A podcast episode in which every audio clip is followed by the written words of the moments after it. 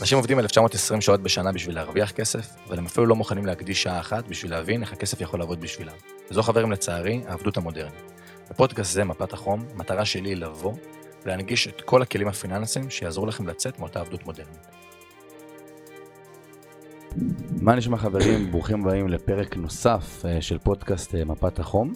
אז כמו שאתם יודעים, המטרה שלי בפודקאסט הזה זה לבוא ולהנגיש לכם את העולם הפיננסי על כלל כל צורותיו, ובעיקר לבוא ולהביא אנשים שהם מומחים בתחומם, לדבר על מה שהם עושים, על הדרך שהם עברו, איך שהם פועלים, מה הפעילות שלהם היום, והיום אני מארח אה, אורח מיוחד אה, בשם אה, מיכאל. מה נשמע מיכאל? מה נשמע? בוא טיפה ספר למי שעדיין לא מכיר, לא יודע, מי אתה, מה הפעילות שלך בגדול, ואז נתחיל טיפה לצלול על איך התחלת, מה אתם עושים היום, מה הפעילות שלכם והכל. טוב, אז אני מיכאל, יזם צעיר בן 24, הבעלים של רשת אינדיגו, חברת נדל"ן. את כל הפעילות שלי התחלתי בגיל 19, את האמת אפילו טיפה יותר לפני, זה היה הפן התיאורטי. בגיל 19 כבר התחילה הפרקטיקה. בגיל 17-18 למדתי נדל"ן, עשיתי מלא קורסים, יצאתי לשטח, חיפשתי מלא נכסים, אבל רגע לפני זה בכלל קיבלתי החלטה. קיבלתי החלטה להצליח. והרבה אנשים לא מקבלים את ההחלטה הזאת. ומה שדחף אותי זה שבאתי ממצב אה, משפחתי עם סטטוס סוציו-אקונומי יחסית נמוך. אימא אה, שלי הייתה עובדת בסופר, אבא שלי מלגזן, האנשים הכי פשוטים, במקור אני דימונאי.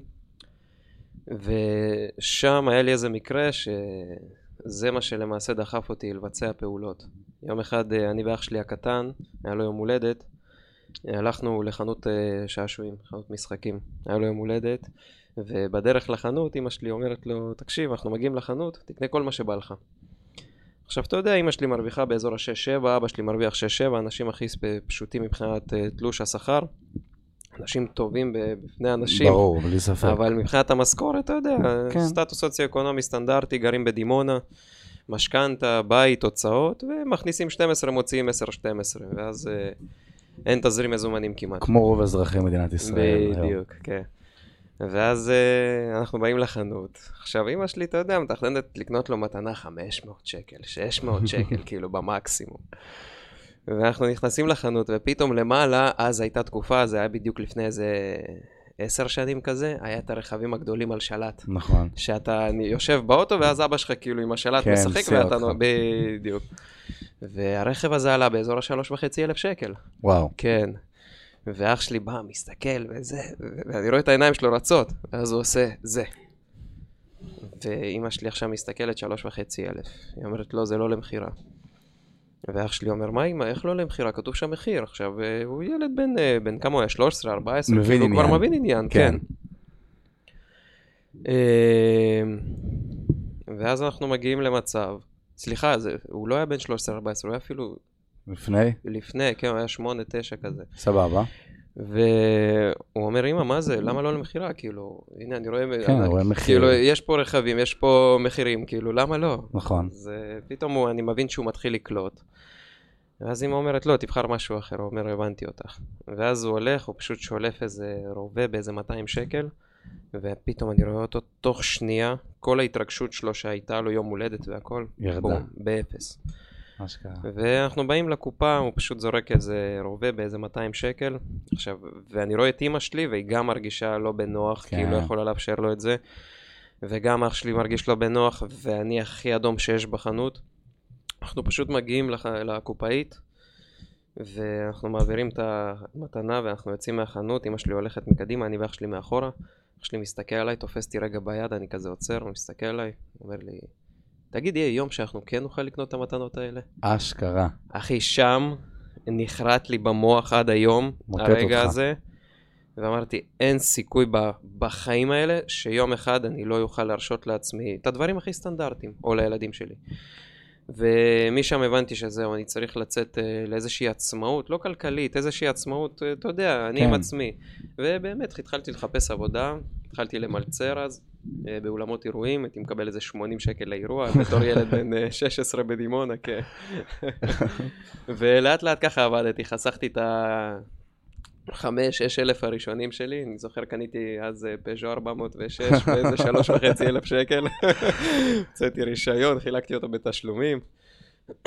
ואז אה, החלטתי ללכת למלצר בים המלח, כי המשכורת שם הייתה כבר יציבה, תלוש שכר, הכל. סבבה. והתחלתי למלצר שם. ושם פגשתי איש עסקים שלמעשה היה הבעלים של כל המסעדות, היה לו שם איזה עשרה מקומות של אה, בתי קפה, מסעדות, אה, סופרים, אה, חנויות קרמים וכאלה. ופתאום ראיתי אותו בתור אוטוריטה. ראיתי שהבן אדם, וואלה, הצליח בחיים, כמו שאומרים. תמיד כשהוא היה נכנס למסעדה, כולם היו מכבדים אותו, אתה יודע, פתאום כן. הבעל הבית הגיע, היו מכינים לו כוס קפה, הוא היה יושב, היו כבר יודעים מה אוהב לאכול בבוקר, כן. בדיוק, נוכחות של החיים. אה, ואני פעם אה, הייתי מגיע אליו כזה מדי פעם, הייתי אומר לו, תגיד, אה, איך הגעת לזה? איך עשית? ולאט לאט אחרי ההיכרות שלנו, אחרי שעבדתי שם באזור השנה, הוא התחיל לספר לי שהוא הגיע מגיאורגיה עם תיק גב, בלי כלום, ופתאום ראיתי שזה הכל אפשרי. ושם התחלתי לעבוד מאוד קשה, חסכתי באזור ה-60 אלף שקל הראשונים שלי. כשאתה אה, במקביל ל-60 אלף שקל שאתה חוסך, אתה כאילו לומד על נדל"ן? את האמת, עדיין לא. עדיין לא. עדיין לא למדתי. הייתי בן איזה 17, עדיין לא למדתי כלום. אה, באזור הגיל 18 כבר איך שנהיה לי כבר כמה עשרות אלפי שקלים בעובר ושב, כי הייתי גר אצל ההורים, לא היה לי הוצאות, כן. לא הייתי כמעט יוצא למועדונים, בילויים וכאלה. הייתי ממש עובד כפולות, כל יום כפולה, כפולה, כפולה. כאילו חוסך כסף, אבל כרגע בלי איזושהי בלי, מטרה בלי מסוימת. בלי מטרה, בלי יד, בלי כלום. פשוט, כסף. כן, פשוט נכנסתי לאיזשהו סטרס כזה של כן. מצב הישרדות, אמרתי, וואו, אני חייב שיהיה לי כסף. ואחרי שנהיה לך פתאום כמה עשרות אלפי שקלים, אתה אומר, וואו, אז יש לי כסף, מה אני מתחיל לעשות איתו? כי נכון. אף אחד לא לימד אותי, אף אחד לא הסביר לי. ושם אני אומר, אוקיי, בשביל להבין מה אני עושה עם הכסף, אני צריך ללכת לאנשים שיודעים לעבוד עם הכסף. נכון. ואז uh, התחלתי לקנות כל מיני קורסים, קניתי קורסים בפסגות, בכל מיני מקומות, קניתי איזה שלוש-ארבע קורסים, שוק ההון, נדל"ן, יזמות, הלכתי למעוף, שילמתי כל מיני כמה מאות שקלים פה, כמה מאות שקלים פה, עשיתי מלא קורסים. אבל ש... מה היופי? שאגב, סליחה שאני רוצה אותך, גם היום את מדבר על זה כאילו כעוד משהו, הסיפור הכי, כאילו, זה הכי התחלה בסיפור, אבל אנשים, דווקא את החלק הזה של ה... ללכת ללמוד, הרבה פעמים אנשים לא עושים. נכון. כאילו, מה אני עכשיו יוצא הרבה כסף על קורסים, מי מבטיח שזה יחזיר לי את זה, מה אני אלך ללמוד ממנו, לפעמים נמצא שם. נכון. סבבה. אמ, ואז התחלתי למעשה ללמוד אה, כל מיני תחומים, התחלתי להתפזר נורא, אה, אבל לאט לאט פתאום התחלתי להבין, אוקיי, אני צריך להתמקד, כי אני לא יכול ללמוד גם את זה וגם את זה וגם את זה. ואיכשהו בחרתי את עולם הנדל"ן, אהבתי אותו, הוא היה משהו מוחשי שבאמת אה, יכלתי להרגיש אותו. ואמרתי אוקיי, אז בוא נתחדד. ואז יום אחד אני מגיע למרצה באיזה שיעור 4 או 5, אני אומר לו, תקשיב, הכל טוב ויפה, אנחנו מלמד, אתה מלמד מה זה נסח טאבו, איך קונים בית, איך לוקחים משכנתה, אבל איך אני עושה את זה תכלס, איך אני סוגר עסקאות. הוא אמר לי, תבחר אזור, כמו שמלמדים, אבל באמת, בזמן שמלמדים, לך ותתחיל לנתח אותו. סבבה. אמרתי, אוקיי, מה זה אזור השקעה? הוא אמר לי, לך תבחר אזור שיש שם ביקוש, שיש שם היצע, שהדברים זזים שם, קח אולי איזה אוניברסיטה, תתחיל לחפש משהו באזור. אז הלכתי בבית, לבית, ישבתי בבית עם מחשבות, והגעתי למצב, אני אומר, אוקיי, יאללה, באר שבע, כי הייתי בדימונה, אני לא יכול עכשיו להתחיל לנסוע למרכז. כן. אמרתי, בדימונה אין כלום. אפילו שהיום אני מתעסק בדימונה. כן. אה, שזה הכי מצחיק. בדימונה אין כלום, יאללה, אני הולך לבאר שבע. ובחרתי את אוניברסיטת בן גוריון, שם בחרתי את שכונה ד', אה, כי המספרים שם היו מאוד נמוכים.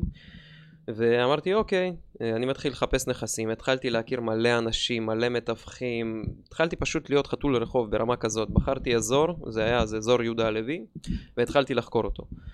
כאילו ו... ממש נוסע לבאר שבע, ברחוב הולך, כאילו ברמה... אחי, הייתי מהבוקר עד הערב ממלצר, בערב מגיע לבית, דופק מקלחת, יושב באוטו, בפז'ו, נוסע חצי שעה לבאר שבע, לוקח, קונה איזה מאפה ומיץ תפוזים, ופשוט מסתובב עד אזור 9-10, מסתכל על הבניינים, מסתכל על, הד... על הכניסות, על, השכונה, על השכונה, על החניות, מדבר עם הסבתות שישבו בספסל, ממש מנסה להכיר אשכרה. מה הולך שם, כן.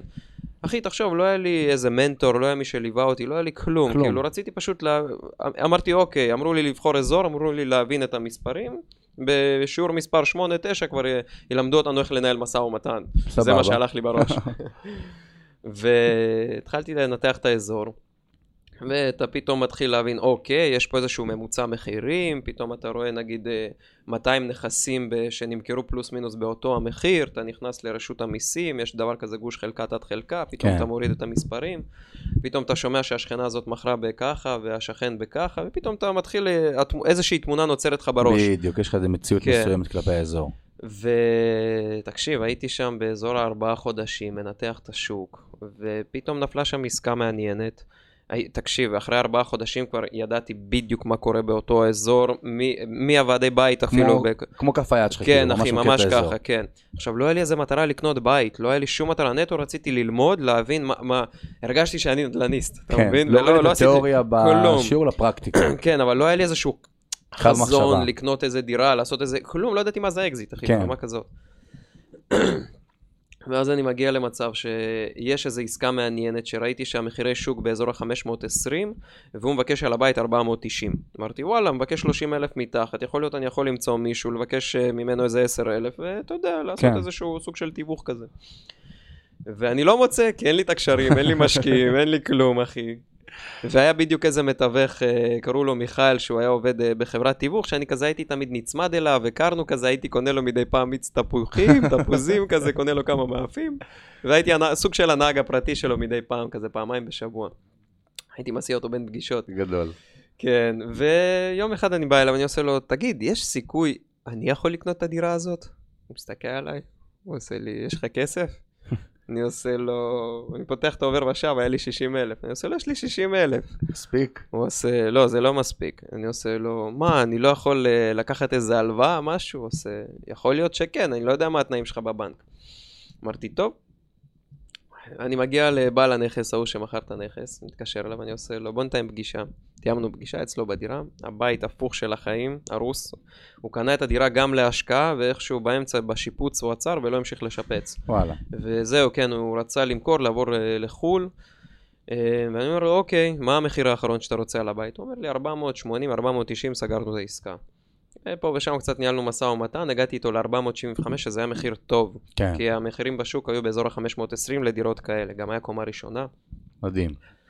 אה, ואני אומר לו, קניתי. וואלה. תחשוב, אחי, איזה ביצים, פשוט לעמוד, להגיד לבן אדם, קניתי, בלי שיש לך כסף, בלי שיש לך ידע, אתה אפילו לא יודע איך לקנות, ברמה כזאת. אשכרה. כן. זה כאילו... אני, אני לא יודע מאיפה זה בא, את האמת להגיד לך, זה לא שהיה לי איזשהו ניסיון, איזה מישהו שעשה כבר את המהלכים האלה באזור, אמרתי לו, פשוט קניתי. והוא אומר לי, אוקיי, מי עורך דין שלך? אני אומר לו, יש לי עורך דין. הוא עושה, ומאיפה הכסף? אני עושה לו, אבא שלי הביא לי. כזה, כאילו... כזה, כן. ברמה שאתם בדירה, אתה אומר לו, קניתי, ומאחורי הקלעים, אין לך מושג, אתה כאילו... כלום, אחי. יורד לפז'ו בחניה, ואין לך מושג מה אתה עושה. אחי, אאוט. פשוט יושב באוטו, אחי, נוסע לבית, לחצנו יד, הוא עושה לי, אוקיי, תביא לי, תשלח לי את המספר של העורך דין. אמרתי לו, אין בעיה, מחר אני... היום אני אגיע, היה כבר ערב, אני אשלח לך מחר בבוקר. ואני נוסע לבית, אני מגיע לבית, אני נכנס לגוגל, עורך דין באר שבע. כן, מתחיל להתקשר למתווך וזה, קיצר, מפה לשם מחברים אותי לאיזה עורך דין. מתקשר לעורך דין, אני אומר לו, תקשיב, אה, החלטתי לקנות בית אה, באזור ככה וככה, המחיר כזה וכזה, אמרו לי לפנות אליך, אתה כבר תדאג לי מפה. הוא אומר לי, יש לך אישור עקרוני? אני עושה לו, בטח יש לי אישור עקרוני. הכן בדירה זה היה אישור עקרוני. הוא עושה לי, אוקיי, מעולה. תעביר לי את הפרטים של העורך דין של המוכר, אני אצור איתו קשר ואני אעדכן אותך בהכל. אני לוקח, אה, לא יודע, אז הוא לקח שלוש אלף, משהו כזה. סבבה. אני מנתק את השיחה, אני כותב מה זה אישור עקרוני, אני מתחיל לחפש אה, אישור עקרוני, הבנתי שאני צריך ללכת לבנק, אה, לבקש, התחלתי להסתובב בבנקים, אף אחד לא הביא לי אישור עקרוני. אף אחד. אמרתי, אוקיי, מה אני צריך? אה, עורך דין מתקשר אליי, עושה לי, תקשיב, אתה צריך להביא או 10 אחוז, או 25 אחוז, עד 25 אחוז, והשאר אני מבין שאתה מביא במשכנתה. אמרתי לו, נכון. ואז אני מתחיל להסתובב בין הבנקים, אני מבין שיש לי 60 וקצת אלף שקל בעובר ושב. ואני מבין, אוקיי, אני צריך להביא 25% לנכס, שזה יוצא, היה אז 118,000, משהו, משהו כזה. סבבה. אני מבין, אוקיי, אני צריך עוד 60,000. ואז העורך דין שואל אותי, טוב, אתה מוכן עם הכסף? אני עושה לו, כן, כן, אני מוכן. קבענו כבר מועד אה, עוד שבועיים אה, להיפגש לחתימות, ובשבועיים האלה, אחי, עברתי אה, את כל הבנקים שהיו בדימונה. אחי. אשכרה. את כל הבנקים, כן. עובר כל יום לברר כאילו מה, על הלוואה, על משכנתה? הלוואה, משכנתה, הכל, אחי. אה, אחרי אה, סיוט לא קטן, אה, אני מצליח לקבל את ההלוואה של 60 אלף לחמש שנים, ואני לוקח, מוצאים לי צ'ק בנקאי על 118,000, אני מגיע למועד החתימה, שם את הצ'ק, בעובר ושב יש לי 2,000 שקל, אחי. אשכרה. 2,000 שקל. שזה אומץ, שזה, כאילו... תקשיב, אחי, אני לא ידעתי מה אני עושה. אני אומר לך אמיתי, זה פשוט דחף אותי קדימה ואמרתי, אם אני לא עושה את זה, אני לא עושה את זה. אתה כאילו בחודש, חודשיים, עברת מסע שלם, שכל כן. יום דוחפים אותך עוד קדימה, ואתה כאילו, אתה אפילו לא שנייה מאבד את מה אחי, שעברת. הכנסתי את עצמי לאיזשהו לופ כזה, שאמרתי כאילו, אני פה, ואין לי לאן ללכת. כזה. כאילו כזה, כן, כאילו אחי. אני, אני, נמצא פה וזה כאילו עכשיו זה one way direction, אני הולך שם, לא משנה מה קורה. אני אגיד לך יותר מזה, כבר קיבלתי עם עצמי, איכשהו, אני לא יודע איך הגעתי לזה, אבל קיבלתי עם עצמי שבמקרה הכי גרוע, אני מפסיד את ה-60 אלף, ואני צריך לעבוד עוד שנה מלצר ולהגיע לעוד הפעם 60 אלף חיסכון, אחי. בשביל ה... כן, זה, כן. אבל אמרתי, וואלה, יכול להיות משהו טוב יצא מזה. ואמרתי, בסוף אני אסתדר. איכשהו בסוף היה לי את האמונה הזאת שאיכשהו אני אסתדר. גדול. וכן, זה ביטחון עצמי, זה חשוב. אפילו שלא היה לי את, ה... את הידע הפרקטי, אבל היה לי איזשהו ביטחון כזה, ש... כי ראיתי אנשים אחרים עושים את זה. כן. כי, כי ארבעה חודשים אתה חוקר, אתה מדבר עם אנשים, אתה רואה שהוא קנה, הוא קנה, הוא עשה איזה מהלך.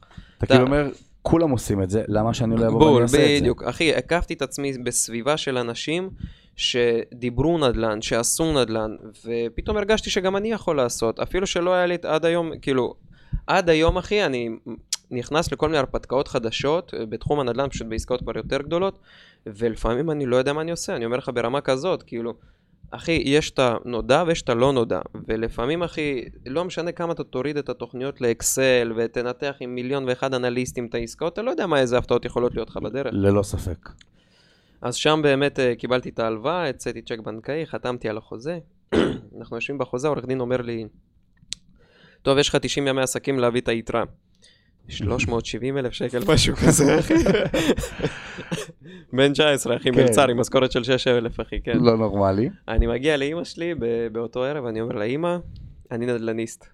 אני מגיע לבית, היא עושה לי, מה זאת אומרת? אמרתי, זהו, התחלתי להתעסק בנדל"ן. עכשיו, אימא רוסיה, כן?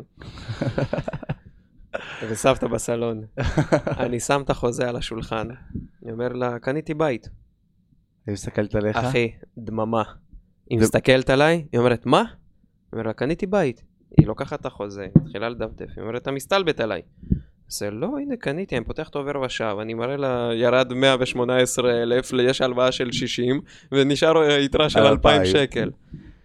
מה קורה לה באותו רגע? מתחילה לבכות ולצעוק עליי של החיים. והיא פשוט לא עיכלה את זה, היא חשבה רימו אותי, גנבו אותי, אתה יודע, אימא רוסייה, זה, זה בסדר, כאילו, כן. וגם, אחרי איזה, כן, אחרי איזה שלוש-ארבע שעות, אחי, נרגעתי, היא אומרת, טוב, זה באמת קרה? אני אומר לה, כן, אמא, היא אומרת, למה לא סיפרת לי, למה לא עדכנת אותי? אמרתי, תקשיבי, כאילו, הכל קרה כל כך מהר, כאילו, לא, לא היה לי רגע לעדכן אותך, אבל אה, אני בטוח שכאילו, איפשהו את תעזרי לי בזה. אמרה, מה אתה רוצה שאני אעשה? אמרתי לה, אני לא רוצה כלום, פשוט רוצה שתהיי מעודכנת, שתהיי כן. כאילו לצידי. ואז היא אומרת, אוקיי, אתה צריך לקחת משכנתה. אני אומר, נכון, בשביל זה גם באתי עלייך. היא עושה לי, "מה אתה- אלייך." מה אתה רוצה ממני? אתה- טוב, לך תיקח משכנתה ותשלם אותה כל החיים בתור מלצר. והיו ריבים, אחי, עוד כמה ימים גם אחרי זה, גם אחרי זה אחותה, שזו דודה שלי נכנסה גם. קיצר, ריבים של החיים, אחי, במשפחה. שכאילו מה, מנסים להוריד אותך מזה, לא, כבר קיבלו את ההחלטה, פשוט כל הריבים אמרו לי שאני ילד אה, מפגר, אחי, ברמה כזאת, כן, אחי. ששרפת את הכסף שלך, כן, ואתה לא יודע כן, מה אתה כן, עושה, והכל. כן. והם פשוט בחיים לא עשו שום דבר ב- בסגנון, אחי. הם בחיים לא התעסקו בהשקעות, אחי. לא בשוק ההון, לא בנדל"ן, בכלום. אמא שלי הייתה פשוט עובדת, מכניסה, מוציאה, מכניסה, מוציאה, זהו. שזה מדהים מה שאתה אומר, כי אני גם זוכר, אני אתן איזה אינפוט קטן עליי, אבל אני זוכר גם אותי בתחילת הדרך, שהתחלתי להתעסק בשוק ההון, והפסדתי גם, אפרופו סכום של 60 אלף שקל, כנראה זה מוטיב חוזר, גם אני הפסדתי בשוק ההון, ואז אני בא להורים שלי, אמנם זה כסף שקיבלתי מפציעה ו- ודברים מהמם. כאלה, אבל ההורים שלי כאילו גם אותו דבר, אימא פולניה, זה, זה, זה לא רחוק שם כן, לא בסקאלה. והיא אומרת לי גם, מה אתה עושה? אתה מבזבז, כי הם לא רגילים לקבלת ההחלטה הזאת של אני בא ואני משקיע את הכסף, נכון. כאילו זה מעבר לרמת התודעה שלהם. נכון. וזה פשוט מדהים שכל, אני מראיין פה המון אנשים, וכל מי ששומע גם את הפודקאסט שומע אותם מדברים, כאילו כולם, זה קורה להם אותו דבר. הם עושים את ההחלטה הראשונה, הם בעצמם, קבלת החלטות, אחי, כן. בדיוק, ואז הסביבה שלהם, שהיא בכלל לא באותה רמת תודעה של זה אפשרי וזה הגיוני, ואין להם את האומץ גם, את הקבלת ההחלטה הזאת, כאילו הם, הם כל כך, זה תפיסת מציאות שלא הייתה משמעית. להם, שהם פתאום כאילו, הם לא מבינים, מה, מה עשית? שרפת את הכסף שלך, כאילו, למה? בשביל מה? כי מבחינתם לעבוד בשביל 60 אלף שקל זה עשר משכורות. נכון, נכון, נשמע זה הזוי. מטורף, כן, אתה אומר מה, שנה עבדתי לחינם? כן. חד משמעית. סבבה, ריבים וזה בבית. ואחרי זה אנחנו מגיעים למצב שאנחנו מגיעים אה, לבנק דיסקונט, ושם אנחנו יושבים עם הפקידה, ואני מקבל את האישור העקרוני. אנחנו מתקדמים למשכנתה, והפקידה שואלת את אמא שלי לפני החתימות, את יודעת מה את עושה? אתם חותמים משכנתה, ואמא שלי כולה יושבת בביוס כזה, כן. ואתה, יש לך מושג שנייה, ו- תמהיל משכנתאות, עניינים. כלום, אחי, כלום. גם את ההלוואה לקחתי באיזה ריבית של תשע וחצי אחוז, אחי, שהאחוז היה, שהריביות אז היו באחוז כן. וחצי, אחי. כן. אמ, ואימא שלי פשוט חותמת, ואנחנו מגיעים לבית, ואז היא אומרת לי, אתה מבין שאתה הולך לעבוד כל החיים האלה במלצרות בים המלח, ואתה הולך כל חודש לשלם את המשכנתה? אומר לה, כן, אמא, אני מבין. ואתה באותם זמנים, שהיא אומרת לך את זה, אומר אני מבין ומתבאס כאילו, הוא אומר, תשמע, היה לי משהו, היה לי בלאגן בראש. בלאגן בראש, אמיתי. לא יודע מה קורה. לא יודע מה קורה, אחי. עכשיו אני אגיד לך יותר מזה, אחי, שאחרי זה נכנסתי לפאניקה ודיכאון. אה, עבר איזה חודש וחצי, הכסף הוא עבר, אמא שלי חתמה ערבות, המשכנתה יורדת ממני, אמא שלי ערבה למשכנתה. לקחו לה איזה שליש, משהו כזה, איזה 700, 700 שקל החזר חודשי. יש לי איזה 2,000 ומשהו, כי יש לי את ההלוואה גם. כן? ואז אה, אני מקבל את המפתחות אה, אחרי כמה חודשים, אני אומר לאמא שלי, טוב, בואו נראה לפחות מה קניתי. כן. ואנחנו יושבים אצלי בפז'ו, אני, אימא שלי, ומאחורה סבתא שלי ודודה שלי. אשכרה. אחי, שתבין, שלוש נשים ואני. נוסעים נוסעים מדימונה לראות את לבאר הדירה שבע. של מיכאל, כן. מגיעים, אחי, איך שהם רואים שכונה ד', אחי, אימא שלי ודודה שלי כבר מתחילות להסתכל שזה לא אחת שכונה על ד' השנייה. של היום אחרי ה... אחי, זה היה אוי ואבוי, אחי, מה זה אז היה, כן. ואז הן כבר מבינות, אחי, שעשיתי איזושהי טעות, כי אתה יודע, הנראות הראשונית, אחי, וואו, כאילו כן. איך הוא הלך על זה. אנחנו נכנסים לדירה, והדירה הייתה, כמו שאתה זוכר, אמרתי לך שקניתי אותה שיפוץ. הרוסה, כן, כן. לפני שיפוץ. ובדיוק הייתי ב- בשלב כזה, קניתי אותה שחצי מהקרמיקה הייתה וחצי היה חול, והיה שם כזה, חצי מהריצוף היה כזה כן, על. הקרמיקה בצד, כן. ככה קניתי את הבית. אני מגיע, אני פותח את הדלת, אמא שלי נכנסת ראשונה, אחי, הדריכה הראשונה שלה, היא מתחילה לבכות. אשכרה. אחי, דודה שלי מזיזה אותה, נכנסת גם, מתחילה גם לבכות, אחי. סבתא שלי מזיזה את שתיהם, נכנסת, אחי מתחילה לצעוק עליי, ואני מוצא את עצמי, אחי, עומד בסלון של הדירה, דירה קטנה, אחי, של איזה 40, ו- 42 מטר הייתה. אה, סבבה. ושלוש נשים שאני הכי אוהב, הכי מכבד בעולם והכי מעריך, מתחילות לצעוק עליי. מה קורה לי? מתחיל לבכות. מתחיל לבכות, אחי, מבין שעשיתי טעות, הן מתחילות, שיקרו, רימו עליך, לקחו לך את הכסף, חייבו אותך למשכנתות, ופתאום כל הידע שצברתי במשך חצי שנה, כל המקצועיות, הביטחון, אני כביכול, ארבעה כל חודשים הכל, מגיע. כשאני מכיר כבר את הסבתות, ש... את השכנים שמכרו, ואת ה... ועד הבית, הכל. פתאום אני מבין שכל זה היה בולשיט כביכול, שכל זה היה בולשיט, ומה שאימא שלי וסבתא ודודה אומרות זה האמת. כי למה? כי אתה יודע, אני רגיל כל החיים להקשיב כמו להם. שאמרת, אתה מעריך, אוהב, מכבד אותם. בדיוק, בדיוק, אז הם כאילו, מה, מה שהן אומרות זה אמת, כאילו. כן. ואחי, ואני נכנס לדיכאון, ואנחנו יושבים חזרה ב- באוטו, כל הנסיעה לדימונה חצי שעה, אחי, ריבים, כמה טעיתי, מה עשיתי, צועקים על אמא שלי, חתמתי, מש... איך היא חתמה לי משכנתה, איך היא הרשתה לי, אחי. ואני נכנס פשוט לדיכאון של שבועיים שאני פשוט נוסע, אני נוסע, עובד, חוזר לבית, ישן. נוסע, זומבי, עובד, כאילו? אחי, זומבי שפשוט יצא איכשהו מהלופ של החיים ונכנס לדיכאון. ופתאום אני מבין שאני באמת הולך להיות מלצר כל החיים ולשלם את המשכנתה, אחי. במציאות של אה, כן. זה. והדירה בבאר שבע כרגע עומדת as is. עומדת, אחי, as is, אחי, סגורה. ואחרי איזה שבועיים כזה, אני יום אחד כזה, אתה יודע, מקשיב לשירי מוטיבציה בנסיעה לים המלח והכל, היה לי בדיוק נסיעה של 40 דקות הלוך וחזור תמיד. ואני כזה אומר לעצמי, תחזור רגע לעצמך, כאילו, מה קרה פה? משהו פה לא הסתדר לך בראש. כן, תחזור ל- ל- לדרך. ופתאום מתחילה לי איזושהי שיחה כזאת עם עצמי, שאני פתאום נזכר שיש את המציאות, יש את המחירים, כזה איכשהו יצאתי כזה מהלופ של הדיכאון, של, כן. ה, של כל המילים שהם אמרו לי במשך שבועיים. וגם לא דיברתי איתם במשך השבועיים, לא עם אמא שלי, לא עם סבתא שלי, כי לא היינו בריבים כזה של היי ביי כזה, לך כן. תאכל וזהו, לא יותר מזה. ואני מגיע למצב שאני אומר, טוב, אתה חייב אה, רגע להבין, יש לך פה דירה, לפחות תשכיר אותה, שתשלם רגע את עצמה, אחרי זה כבר תתחיל לקבל החלטות חדשות בחיים. ואני אומר, אוקיי, טוב, אני עכשיו צריך לעשות מהלכים, איך אני משכיר את הבית. פתאום השאלה שלי הופכת להיות איך, איך אני עושה את זה. בדיוק. שזו שאלה מאוד יפה, כשאתה שואל את עצמך איך אתה עושה את זה, המוח שלך מתחיל לפנטז מיליון ואחד דברים, ומתחיל להוציא משהו לפעולה, ואז בול. אתה צריך לקום ולהתחיל לבצע. בול. ואמרתי, אוקיי, יש לי פה משכורת שבדיוק נכנסת, אני צריך להלוות אה, מחבר כמה אלפי שקלים, להביתי מחבר שהיום הוא עובד גם באינדיגו. שלוש אלף שקל למזגנים, כן, קניתי שתי מזגנים, אחי. ולאט לאט אני מתחיל לשפץ את הבית, אחי, אני מוצא את עצמי, שאני משלם יומית לפועל, קונה את הריצוף, מסיע אותם עם הרכב, ופשוט, אחי, אני יושב איתו, ב... היה זה אז שישי, שבת, ואני מרצף איתו ביחד את הבית שלי, אחי. אשכרה. שהוא מרצף, ואני מדליק סרטונים ביוטיוב, והוא למד, מלמד אותי לרצף, אחי, מלמד אותי מה זה סיקה, איך לשים רובע, אחי, איך, איך להרכיב את המטבח, ולאט לאט, אחי, עם שתי פועלים, אחי, אני ממש אשכרה משפץ את הדירה שלי, אחי. אשכרה.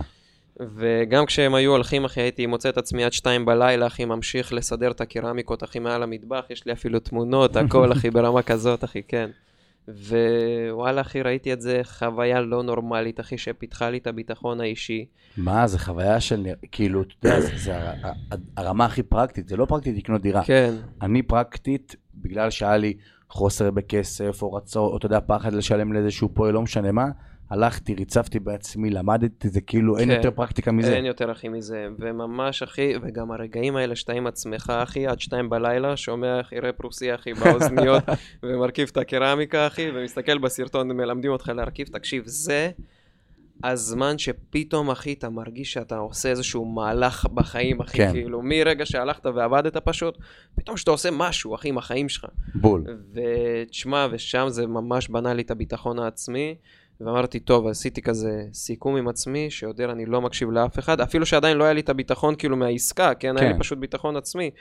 ואמרתי, טוב, אני אוהב את אימא שלי, אני מכבד אותה, אבל uh, אני רגע צריך uh, להיות עם עצמי, כי הם עוד פעם יכולים להוציא אותי מהלופ הזה, והבית פשוט ימשיך להיתקע, ולא יהיה לי כסף, ואני אצטרך לעבוד ולשלם פשוט את המשכנתה. נכון.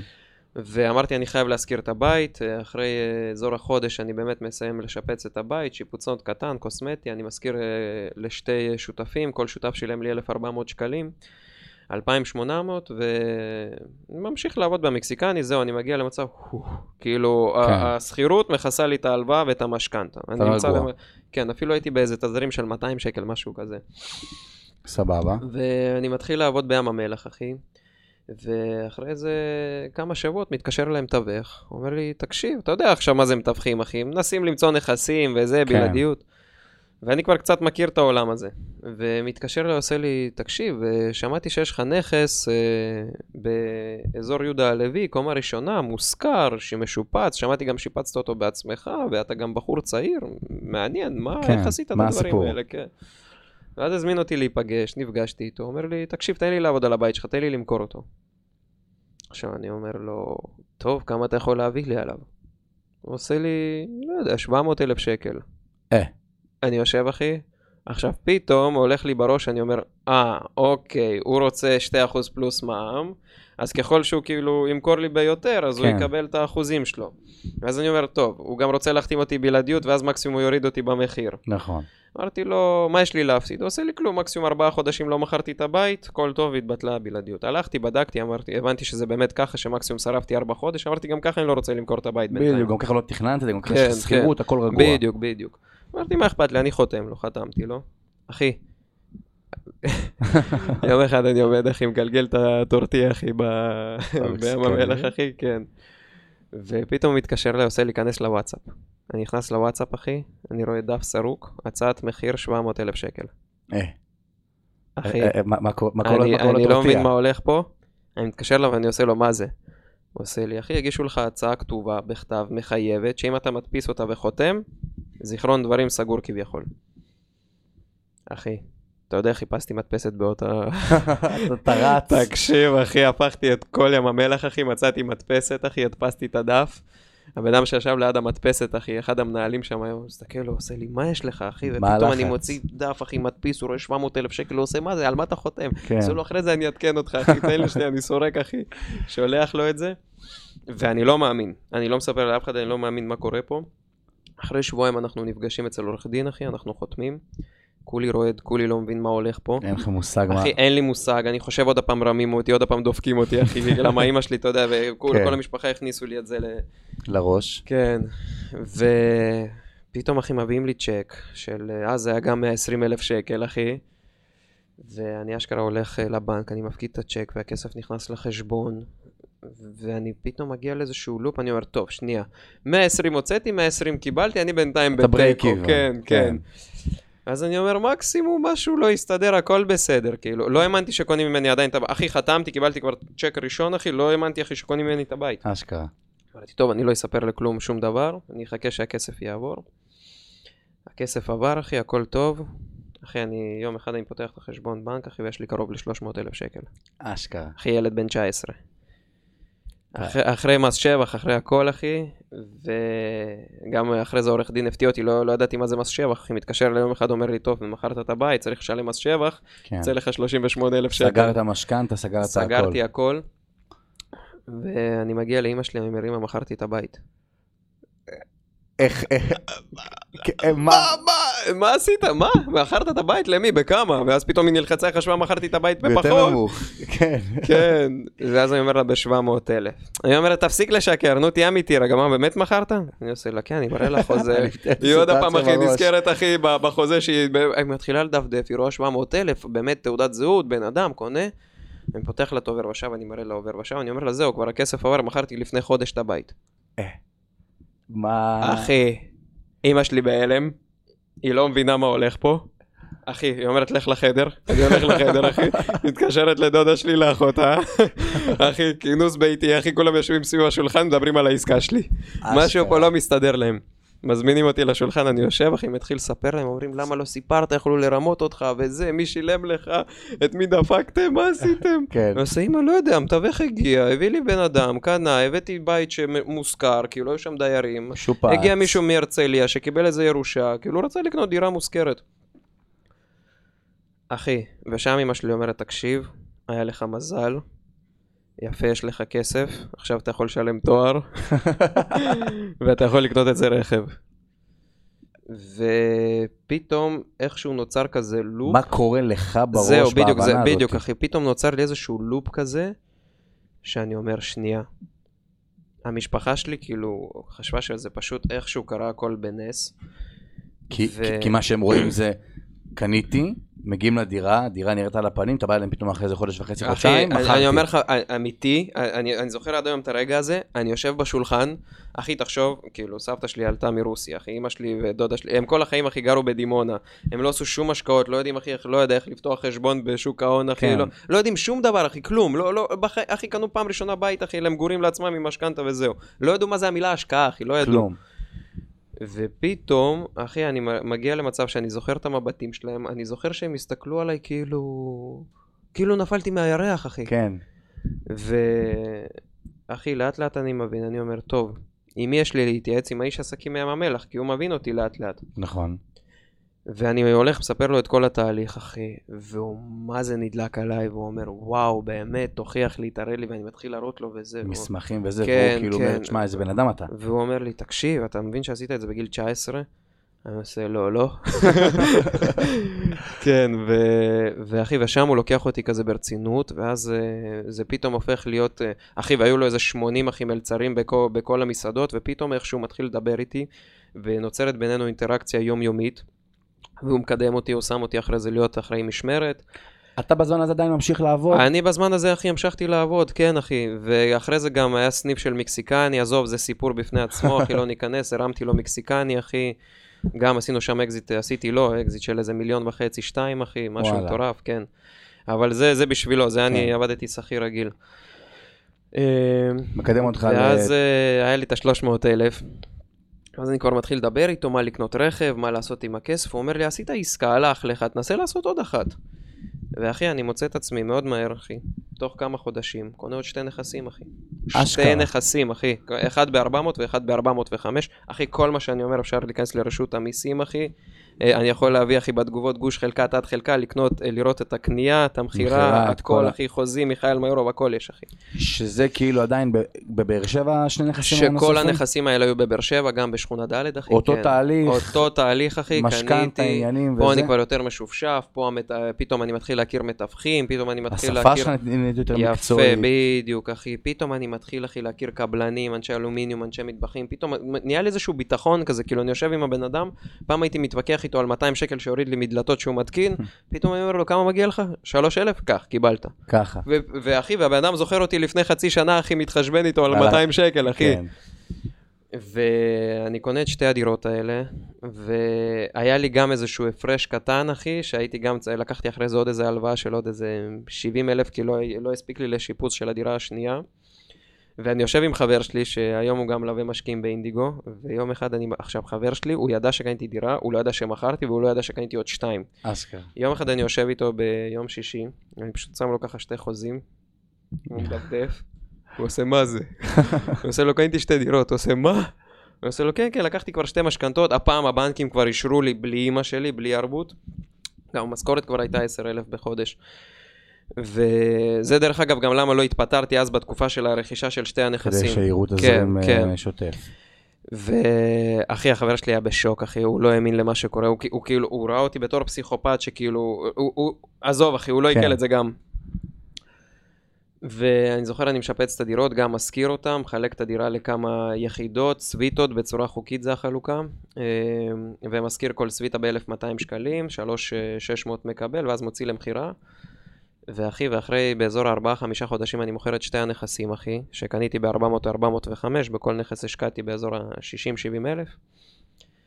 אחי, אני מוכר בית אחד ב-760 ואת השני ב-810 אלף שקל. אשכרה. אחי. ושם אני כבר מגיע... שזה קורה לך כבר, זהו, אחי. שתי עסקאות הנוספות. אתה מבין שזה... ש- שמה? אני, אני אגיד לך מה, פתאום מכיר את זה שאתה נכנס לאיזשהו תחום ואתה קודם כל אתה כזה, אתה לא מבין מה הולך, ולאט לאט עם הזמן, עם התקופה, פתאום אתה מתחיל לקבל איזשהו ביטחון, פתאום אתה מתחיל להבין, אוקיי, אני מבין לאט לאט מה אני עושה, אני מבין איך לנתח את זה, אני מבין איך להבין את זה, כאילו, ממש ככה. בול. ואחי, ופתאום אני מוצא את עצמי, אחי, בן 20, אחי, עם fucking אזור ה-800 אלף בחשבון בנק.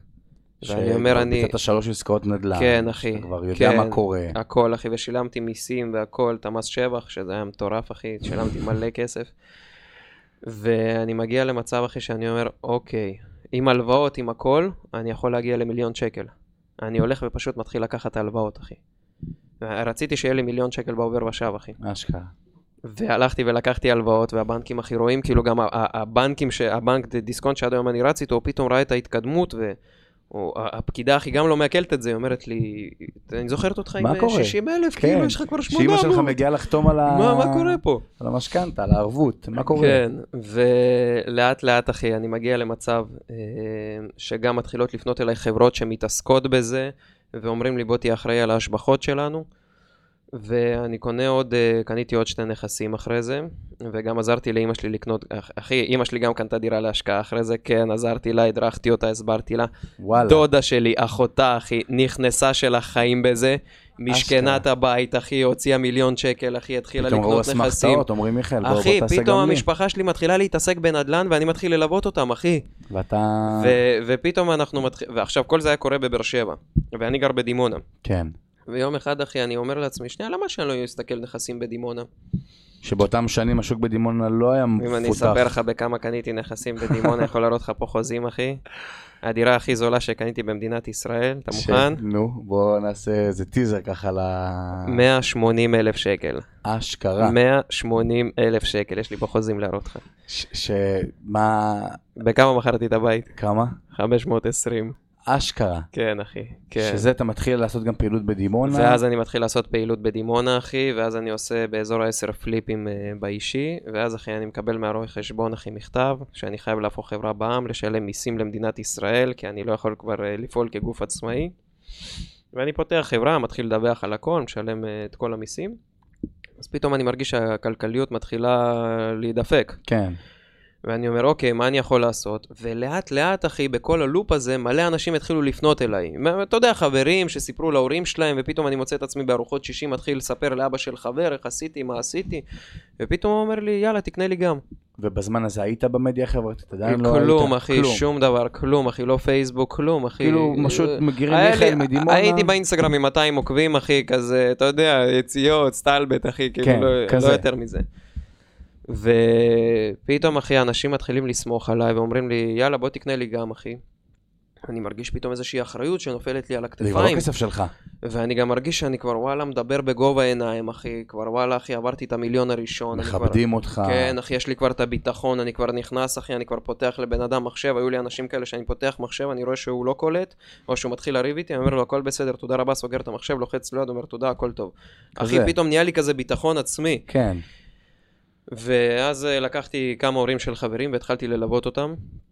ובדיוק אה, הייתי גם עובד אה, בתור מנהל פרויקטים באיזה חברת השבחות, וממש כאילו הייתי כזה סוג של לופ של בשנה, שגם ניהלתי פרויקטים של משקיעים אחרים בחברת נדל"ן. גם, גם אתה עושה משהו באופן עצמאי. גם עושה באופן עצמאי, וגם עוד מלווה אנשים שהם כאילו הורים של חברים, חברים כן, רחוקים כזה... כאלה. מעגל שני ו... שלישי. כן, ופתאום אני מגיע למצב שבהתחלה הייתי לוקח 5,000 לליווי, פתאום 10, פתאום 15, ואנשים ממשיכים לבוא ולשלם.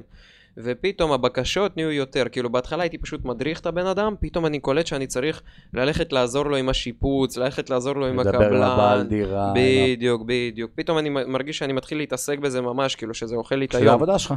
כן. ואז uh, אני מבין שאני צריך לצאת מהחברה של ההשבחות, אני יוצא מהחברה של ההשבחות, ואני מתחיל להגיד לאנשים... אתה בגיל הזה בן כמה? רק בוא אני הייתי בגיל 21, בן 21, אחי. אשכרה. כן, אחי, וואלה, הייתי באייפ מטורף, אחי, כאילו, וואו. אה, ודרך אגב, אחי, שתבין כל זה, אני בזוגיות, כבר חמש שנים אני גר עם האישה. אשכרה. היא הייתה איתי מלצרית, אחי. וכשבדיוק בריבים עם המשפחה, אז עזבתי את הבית, אחי, ובגיל 18 הזכרתי איתה את הדירה, והיא גם הייתה חיילת בודדה, ולא היה לי כסף, כי הייתי כולי במשכנתאות, והיא שילמה 1,600 שקל על דירה מסריחה בדימונה, בקומה רביעית, אחי, שלא היה לנו דוד. לא היה דוד בבית, אחי. אשכרה. היינו מתקלחים לפעמים אצל ההורים וחוזרים לבית, אחי. בטח כן. היום אתם יושבים באיפה שאתם גרים היום ואתם צוחקים כן, על האירוע הזה, אתם אומרים, כן, וואו. וואלה, כן. מדהים.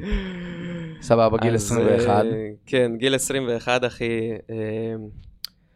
אני מתחיל למעשה אה, לאט לאט להכיר יותר אנשים, פתאום נהיית לי יותר מודעות, ואמרתי וואלה אני אתחיל אה, לפרסם בפייסבוק, אני פותח איזושהי קהילה כזאת אה, קבוצה, פתאום נהיים שם איזה 200 חברים בקבוצה, מתחיל לפרסם, לספר על התהליך שלי, אם ייכנסו אליי לפרופיל יכולים לדפדף 4-5 שנים אחורה, ממש פתאום אתה תראה מתווך מצטלם איתי, אומר הבחור הצעיר הזה קנה דירה תוך שעה. כאילו דברים כאלה, כן. אחי, שממש הייתי בא, הייתי רואה עסקה, כי כבר הייתי מכיר את השוק, הייתי מנתח את האזורים, הייתי חי נושם את זה. כבר התפטרתי מים המלח, הייתי כל כולי בזה מהבוקר עד הערב. ואחי, ואם הייתי מזיין נכס, הייתי קונה במקום. כאילו, גם הלקוחות שלי, להתבלבל. גם הלקוחות שלי, הייתי בא איתם, הייתי אומר, תקשיב, אין לי זמן לבזבז, אני באתי לסגור עסקאות. ואנשים רואים את הרצינות, ואני אומר לו, תקשיב, בוא הנה בוא, כניסה ליד זה בית שלי. אז אתה מבין שאני בטוח במה שאני עושה. כן. מראה לו גם חוזה של לפני שנה, הנה, תראה, מכרתי כבר פה, באזור. כן. ואנשים פתאום רואים את כל הוודאות. וגם כשאתה מגיע עם ביטחון גם על הלקוח, כן, אחי, קל, ביטחון. קל, ואנחנו פשוט, אחי, מצבים שאנחנו עולים לדירה, רואים, אני מסביר ללקוח מה עושים, אני כבר נכנס עם הקבלן, שהקבלן כבר, כאילו, ממש הייתי מארגן צוות, כל פעם שהלקוח היה נכנס, הייתי מארגן צוות, שהיה מסביר ללקוח מה אנחנו עושים. אשכרה. ואני ממש מסביר, מזיזים את הקיר הזה, את הדירה של השני חדרים הופכים לשלושה חדרים, כל יחידה מזכירים לסטודנט, מעלים את התשואה, שנה וחצי אתה מקבל פטור מס שבח, הולכים מוכרים את זה למשקיע שמגיע קונה נדל"ן מניב. ופתאום אנשים מתחילים לקלוט את זה. המשקיע עוד לא מבין מה אמרת לו, הוא כבר חותם את החוזה. אמת, אחי, כן, כי הוא רואה, אחי, הוא רואה בחור שעושה את זה, הוא רואה תוצאות, אחי, הוא רואה נסחים, אחי, הוא רואה חוזים. אני מדבר איתו בצורה הגיונית. אני מדבר איתו בגובה העיניים, אחי, אני מראה לו אקסל, אחי, אני מראה לו עסקאות שבוצעו, אני מראה לו את הנכסים שלי שהם מוזכרים ועובדים כבר, והוצאתי אותם לבחירה, הכל, כאילו, הכל... אה, קורה, כן, הכל שקוף. גם לפני 4-5 שנים, אחי, התקופות היו מה זה טובות, כאילו, לפני, uh, לפני שלוש שנים uh, גם הייתה תקופה טובה, היא כבר תהיה טיפה נהייתה יותר קשה, אבל עוד פעם, תמיד אחי, תמיד תמיד אפשר לעשות נדל"ן. Uh, אז באמת הדברים אז זרמו טיפה יותר טוב, גם היום הם זורמים אחי, וגם היום אני עושה נדל"ן על בסיס יומיומי, אני עוד שנייה אספר את זה. והגענו למצב אחי שפתאום אני והבת זוג שלי, ועוד בחור אחי שהיה עוזר לי, מנהלים, אחי, באזור ה-20 פרויקטים, במקביל, של מיליון ואחד אנשים. ויום אחד אני אומר, טוב, אני רוצה להתחיל לשווק בפייסבוק, כאילו להתחיל לספר על עצמי, ואני מתחיל לספר על עצמי ממש, כאילו עם פוסטים, עם מגילות, מתחיל להראות הוכחות לפני אחרי, כן. ושם אני מתפוצץ, ואני מתחיל לקבל מלא פניות, ואני אומר, טוב, אני רוצה להתחיל לסנן אנשים, שכאילו לראות שאנשים רציניים, אז התחלתי לקחת מקדמות, מקדמה של שבע וחצי. והעליתי את הליווי ל-25,000, כי ראיתי שזה לוקח לי באזור השישה, שבעה חודשים, שזה מלא זמן מלא, להתעסקות. כן, אה, שאני ממש כאילו מתחתן עם הבן אדם לחצי שנה. כן. אה, ואחי, והייתה תקופה שאני בן, אה, ב- כבר מתקרב לגיל 22 אחי, ואני מוצא את עצמי אחי עם 60 תיקים. אשכרה. 60 תיקים במקביל אחי. כן. שזה אחריות שאתה כאילו... שזה אחריות מטורפת אחי, ופתאום אני, אני מבין שאני לא יכול, שאני מתחיל לקרוס. ואני מתק... עכשיו כולם, אתה יודע, ההוא רוצה את המטבח שלו, אז זה רוצה את הדלתות שלו, אז זה רוצה לקבל את הצ'קים, וכל אחד עם זה, ו... ואנחנו כולה שלושה אנשים, אחי. אתה מגיע למצב שאתה כבר מרגיש אתה יודע כאילו... שדרך אגב, אחי, חצי מהנכסים שלי, סבא וסבתא שלי הרכיבו וניקו את הדירות של המשקיעים שלי. אשכרה. כן, אחי, שתבין, כל המשפחה האמינה כבר בעשייה, ראו את העשייה, כבר הכסף התגלגל, כבר התחלתי כן. להוציא לאמא שלי משכורות, הכל, אחי, כאילו, וואו. כן. ופתאום, אחי, ממש כאילו, חלק מהמשפחה שלי התחילו לעבוד, אחי, בנכסים של המשקיעים, ברמה כזאת, אחי, תשאל עכשיו את כל העובדים שבאינדיגו, שרצים איתי כבר דרך, אחי. כולם מכירים את סבא וסבתא שלי, אחי, איזה- כאילו, הם מתקשרים יופי, לסבא אחי. שלי, לך תרכיב את הדירה הזאת, לסבתא שלי צריך לנקות פה, אחי, וממש פתאום כל המשפחה הייתה עובדת, אחי. ששלוש שנים לפני זה אתם יושבים אה, ו- ב- כן, בסלון ולא, כן. כן, אחי, כן. הזוי. והיום, אחי, דרך אגב, אחי, אימא שלי מניעה את סבתא שלי לקנות נכסים, אחי, עזוב, אל תשאל, אחי, כן, כן. אשכרה. והגעתי למצב שאני מתקשר לכל המשקיעים ביום ראשון, זה אחרי שישי שבת שישבתי עם עצמי, ואני אומר, חבר'ה, אני רגע צריך לעשות סדר, איפוס קו, אני חייב שבועיים חופש, בבקשה, זה בשבילכם, תנו לי לעשות סדר בעניינים, אני מעדכן את כולם. כל המשקיעים כבר מכירים אותי, יודעים שאני בחור אחראי רציני. והכל, כן. אמרו לי, אין בעיה, מיכאל, הכל בסדר, פתחתי גם קבוצה בוואטסאפ, שלחתי לכולם את ההודעה הזאת, כולם עשו לי לייקים, הכל בסדר. רגוע. כן, רגוע.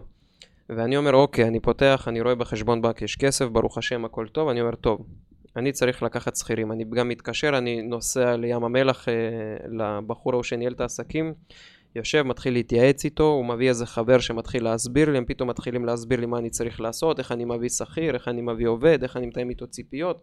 כאילו, כן. ממש התחילו להדריך אותי. איך בונים ארגון. בדיוק. ווואלה אחי אני מוצא את עצמי תוך איזה שבוע וקצת אחי אני מוצא את עצמי עם עוד ארבעה עובדים ברמה כזאת אחי שכל אשכרה. אחד אני משלם לו משכורות בצורה יציבה והכל ופתאום פתאום ירד ממך. ירד אחי ופתאום אני מוצא את עצמי שאני כבר יושב ואני פתאום צריך לחדד את החוזה, לחדד את האקסל, לעשות בקרה ופתאום בז... היו ימים שהייתי רץ 24/7 בין כל הפרויקטים בבלגן, במלא דפים, יומנים, אקסלים והכל כן. ופתאום אני מוצא את עצמי שארבע אנשים אה, בחוץ רצים ואני יושב ואני פשוט מנתח ומבין איפה כל דבר ואני פשוט על הטלפונים אחי אחי לך קח את המטבח מהוא תקפיץ לזה תתקשר לרפי. הקבלן כן תתקשר לרפי הקבלן תביא דלתו טה טה טה טה ואחי והיה לי לופ מטורף של אזור החצי שנה שפתאום מחמישה אנשים אחי גדלנו לעשרים ואני פשוט, אני רואה שנכנסים עוד משקיעים, אז אני מקבל החלטה וביטחון אה, לה- להביא עוד עובד. נכנסים עוד משקיעים, מקבל החלטה וביטחון להביא עוד עובד. שאגב, חייב לבוא ולהגיד, מיכאל מדבר על זה כאילו באהלן אהלן, לבוא ולתת עובד, זה אחריות שאתה זה כאילו אומר, מטורף, בטח. כאילו, לא, אתה אומר עוד עובד, עוד עובד, ואני מבין למה אתה אומר את זה, כי גדילה והכל, וכבר קבלת החלטות שלך זה שריר שואה מפותח זהו, ברמה כן, אחרת. כן, אחי, כן. אבל בעם אחר, עכשיו לבוא ולהביא עובד, אתה כאילו אומר, נראה "שמע, לך, כן. אנשים ב... כן, אחי. ומה אם לא ייכנס כסף, ומה אם לא יגיעו משקיעים, אתה. כאילו כל חודש, תחשבו שבעם שמעסיק עובדים, הוא מתחיל את החודש לצורך הדוגמה, לא יודע, עם מינוס מסוים, שזה עלות התפעול של העסק. נכון, נכון, עכשיו, נכון. בסוף אתה אומר, אם לא, אז אני צריך להביא כסף מהבית, ואני נכון. מחויב אליו, וחוזים, זה כאילו, כן. זה- וואו, מדהים. כן, אחי, כן. ולאט לאט, אחי, אני מגיע למצב שפתאום אני מזכיר משרדים, אה, בונה מחלקות מסודרות בחברה, עדיין נוסע לאיש עסקים ים המלח, אחי, הוא מכיר אותי כבר לנדל"ניסטים. פתאום, אחי, אני מתחיל להכיר אנשים... צובר תאוצה, כן, גם אחי, במדיה, אני הכל. מתחיל להכיר אנשים יותר מכובדים, יותר רציניים. אחי, אני מתחיל להגיע למנכ"לים וסמנכ"לים של חברות הייטק, שפתאום אני קונה לבן אדם לא דירה, לא שתיים, עשר נכסים. וואו, 15 נכסים. אחי, חברה מטריקס, חברה של 10,000 עובדים, אחי, צוות של הסמנכ"לים לקוחות שלי. עוד אנשים שאני לא יכול לציין את שמם, הלוואי והייתי יכול, אחי, שקניתי להם מלא נכסים, אחי, בדרום ובצפון. ופתאום לאט לאט, אחי, אני מתחיל להתפתח, והיום אנחנו אינדיגו. אה, רשת של חמישה סניפים, יש לנו משרדים במרכז, אה, בדימונה, בבאר שבע, בקריית אתא, בחיפה, ממש משרדים פיזיים עם אופרציות, עם עובדים. אה, וזהו, והיום אחי כבר המחשבה השתנתה אחי, והתשתית השתנתה, והיום אנחנו ממש, יש אמון מלא מהלקוחות שהם, הם, אנחנו גם עובדים על בסיס תוצאה, זאת אומרת הלקוח אה, משלם את הכסף רק לאחר שהוא מקבל אה, את התוצאה שלנו שאנחנו קונים לו בית, משפצים ורהטים, מעצבים, משכירים, חוזים מסודרים מבחינה משפטית, אקסלים, כאילו תוכניות, אנליסטים. איך זה עובד נגיד היום אני לקוח שרוצה לבוא אליכם? איך, איך עובד התהליך בקצרה אז ככה? אז בקצרה ככה בחמש דקות מגיע בן אדם, אנחנו עושים לו אפיון ללא עלות בצורה מסודרת, מבינים מה היכולות שלו, מה ההון העצמי. דרך אגב, הון עצמי, אסור, אסור לעשות עסקאות ללא הון עצמי, אסור. כל החברות האלה שמלוות ללא הון עצמי, אחי, חבר'ה, זה בולשיט, ואתם יכולים ליפול. אז בבקשה מכם, לפחות 80-100 אלף שקל שיהיה לכם הון עצמי, כי הריביות היום גבוהות, אפשר לעשות עסקאות טובות. אבל צריך לדעת לחשב. ללא הון עצמי אתם לא מעריכים את הכסף שלכם, זה לא הכסף שלכם דרך אגב, ואתם יכולים לקבל החלטות שגויות שיכולים להפיל אתכם אחורה, לא לקו אפס, אחורה.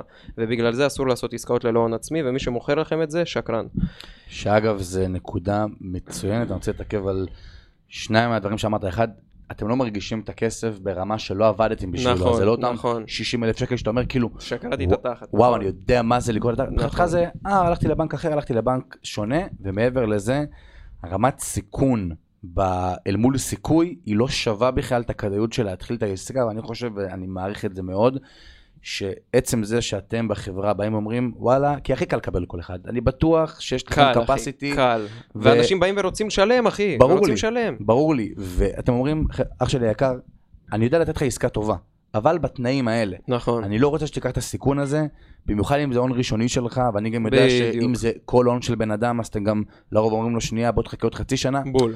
השקיפות פה היא, היא 100%, שזה מבחינתי... הנה יש לך חבר אחי שעובד באינדיגו יונתן, תשאל אותו אחי כמה פעמים אני והוא יושבים בפגישה, מגיעים אליי חבר'ה צעירים אחי אפילו עם 40 אלף, אומרים לי מיכאל, ראיתי הכל, סומך עליך, עוקב אחריך כמה שנים אחי, רוצה להתחיל, אחי בוא קח תחתים אותי על חוזה בוא נתחיל, אחי אני עוצר אותם ואני אומר חבר'ה תחזרו אליי עוד שנה, כן, אני כן. לא יכול להתחיל תהליך, כמה שבא לי לקחת לך עכשיו כסף, זה אחריות שלי אחי, וכמה שאתה יודע מאחורי הקלעים שזה יכול להגדיל את המחזור ועוד כסף והכל, אתה אומר לו, שנייה, ביושרה המקצועית שלי, אני בדיוק, לא בדיוק. אעשה את זה. אחי, הבנתי ששם זה הדבר הכי חשוב. כל החברות האלה שמלוות ללא הון עצמי, אחי, אתה תראה שלאט לאט, אחי, תיכנס, ברור. אחי, תראה את הביקורות בגוגל, כנס, תראה את התגובות, אחי.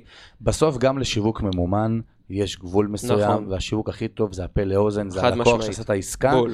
ויושב ב- ב- בפאב ביום שישי עם נכון, החבר'ה שלו, ומספר עם החבר'ה שלו. בדיוק נכון. לחמישה אנשים, מתוכם יש שתיים לקוחות אחי, פוטנציאליים. אתה יודע שיש לי, אחי, יש לי אפילו גדוד שאני מלווה, אחי, יש לי כאילו, כן, אחי, אנשים בחיל הים, בחיל האוויר, אחי, קצינים עם מדהים. החיילים שלהם, כן, אחי.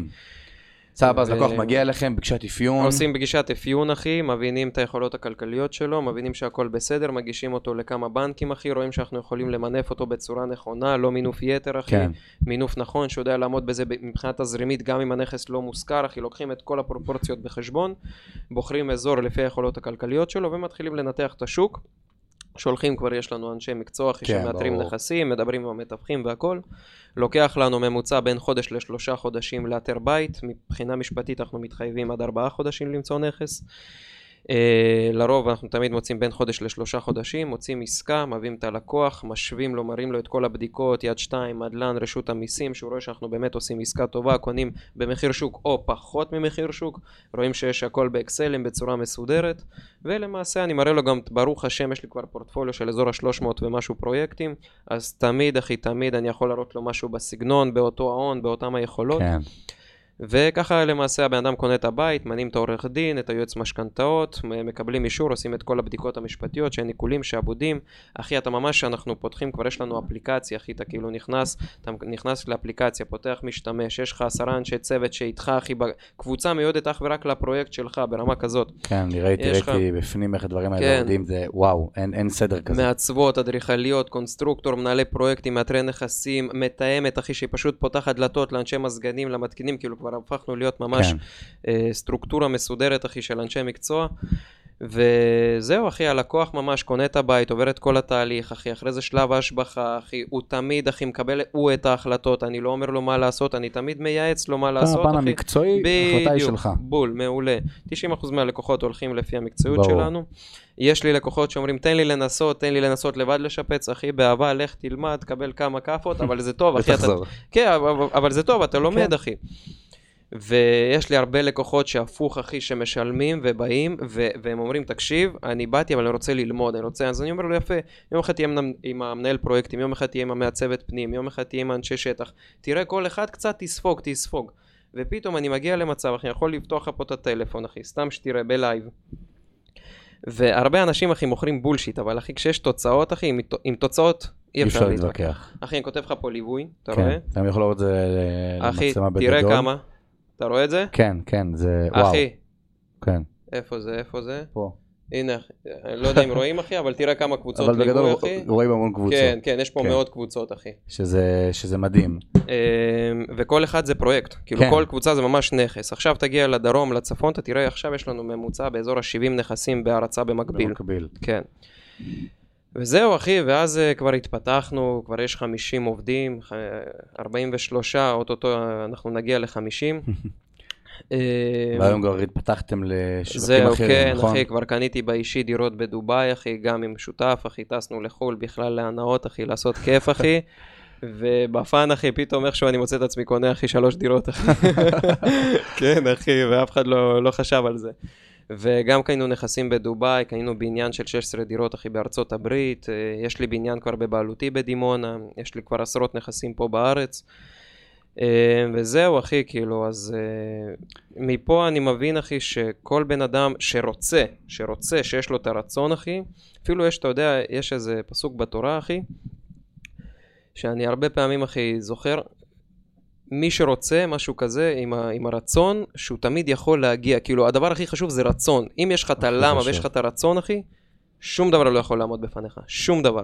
שכאילו היה לי כל כך הרבה, יש לי עדיין גם משאל, אבל לשאול את מיכאל שנייה על מה שהוא עשה, אבל חושב שמי ששומע את זה או צופה ביוטיוב או לא משנה מה, פשוט, אם בפודקאסט הקודם שנועם בא והתארח פה, הוא אמר בתחילת הפודקאסט, הכל אפשרי, ולא משנה איזה קלפים קיבלת בתחילת החיים שלך, אתה אחראי הבלעדי לשנות אותם. נכון. אני חושב שהפרק הזה הוא פרק שמראה לנו פרקטית, איך, נכון. לא משנה איפה התחלנו, לא משנה מה עשינו, הכל תלוי ברצון, והרבה אנשים, יש לי כל כך, כל כך הרבה מסקנות ודברים מה, מהפרק הזה, שאני בטוח שכל אחד יבוא וייקח אותו, וכאילו זה... אחי, אני אגיד לך יותר מזה, אתה יודע, אני פוגש, אה, ביום יום אני פוגש הרבה מאוד אנשים שבאים בתור לקוחות, בתור לשמוע, להכיר. ואחי, 50% מהאנשים פשוט באים עם אנרגיה נמוכה, עם רצון נמוך, והם אומרים, יאללה, אני אנסה. אבל אחי, אלה שבאים, ואתה רואה את האטרף אצלם בעיניים, אחי, אתה רואה שבא להם, אחי, אתה רואה שהם השתחררו מהצבא, אחי, בא להם לעשות מהלך, אחי. הם לא רוצים לטוס עכשיו למקסיקו, ואז לחזור ולחפש. הם מבינים את הרציונל, אחי, בדיוק, מבינים... הם באים ואומרים, תשמע, אני חייב לדאוג לעצמי. אני חייב, אחי, ללמוד איך למכור, איך לקנות, אני חייב ללמוד משא ומתן, אני חייב ללמוד מה זה נדל"ן, מבחינה מקצועית. מוכן גם להקריב מעצמו, כאילו, כל כן. הסיפור הזה, הכמות הקרבות שביצעת בגיל 16, 17, 18, 19, 20, בול. כאילו, היום שאני בטוח מי שנכנס אליך לאינסטגרם ורואה את האיילת, אומר, אה, בסדר, בטח היה לו, ובטח פה, כן, ובטח שם. כן, כן, חבר'ה, כאילו, ת, ת, תבינו, בחמש שנים, פחות, שנתיים, בן שנה, בן אדם עצמו את החיים מקצה לקצה. מקצה לקצה. שזה כן. רמה של כאילו, באמת, אין, אין, אין מה, כמו שאמרת, הרעב בעיניים, והרצון, וההקרבה, ו... ועד היום, אחי, אני מסתכל, כאילו, באמת, על הנכסים והכל, שזה על הדרך, אחי, כאילו, אני לא... אני אגיד לך מה, הדרך זה מה שכיף, זה מה שמעניין, אחי. אתה יודע איזה כיף זה, אחי, לבנות ארגון, אחי, לבנות את המחלקות, להבין איך הדברים... אני הבנתי דבר כזה שסקרנות היא מייצרת עשייה. כן. מהרגע שיש לך סקרנות ואתה סקרן, יש לך את כל העשייה, אחי, שהיא מתחילה לצעוד איתך את הדרך. כי אתה שואל את השאלות, כי אתה מנסה לבוא ולהבין איך הדברים קורים, למה הם קורים. בדיוק, ויש את האנשים, אחי, שהם פשוט באים והם אומרים, אה, טוב, והם מקשיבים, ואז הם אומרים, טוב, אני אחשוב על זה. הם הולכים לבית. ואז הם מתייעצים עם ההורים, הם, הם מתייעצים עם הסביבה שלהם, שרוב הסיכוי עם הסביבה שלהם זה לא נדל"ניסטים, לא משקיעים, לא אנשים שעשו עסקאות, לא אנשים שהרוויחו כסף, כי רוב הסיכויים אם היו מרוויחים כסף, אז הם היו מנווטים אותם לפי הדרך חיים שלהם. שהם לא היו מגיעים גם לבוא ולנסות את זה אצל, אצלך, כי הם היו עושים את זה מבית. נכון, נכון, בדיוק, מהבית. ואז למעשה אותם האנשים מתייעצים עם כולם, ואז מה, מה, מה קורה? כולם מתחילים להוריד אותם, מה כמו נראה מיכאל לך? של גיל 19, הוא היה. מתייעץ עם המשפחה שלו, והיו אומרים לו. מה אתה עושה? וגם אז, ממש דיברת פה בפרק, שלא התייעצת, אבל אחרי שביצעת, בול. נכנסת כבר לדיכאון, ופקפקת בעצמך, זה בול. המעשה הנכון, זה לא המעשה הנכון.